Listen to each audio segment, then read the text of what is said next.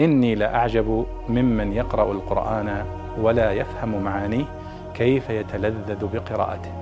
كيف يتلذذ بقراءته. يقول الله سبحانه وتعالى واكتب لنا في هذه الدنيا حسنة وفي الآخرة إنا هدنا إليك.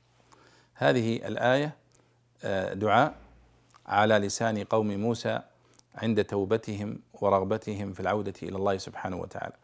فقالوا واكتب لنا في هذه الدنيا حسنة وفي الآخرة. إنا هدنا إليك. ما معنى هدنا إليك؟ هدنا إليك هنا بمعنى تبنى إليك. هاد يهود بمعنى رجع وتاب.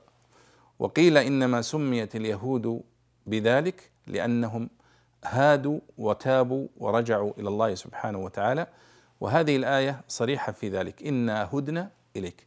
فالهود إذن هو الرجوع والتوبة إلى الله سبحانه وتعالى. هذا هو معنى إنا هدنا إليك والله أعلم.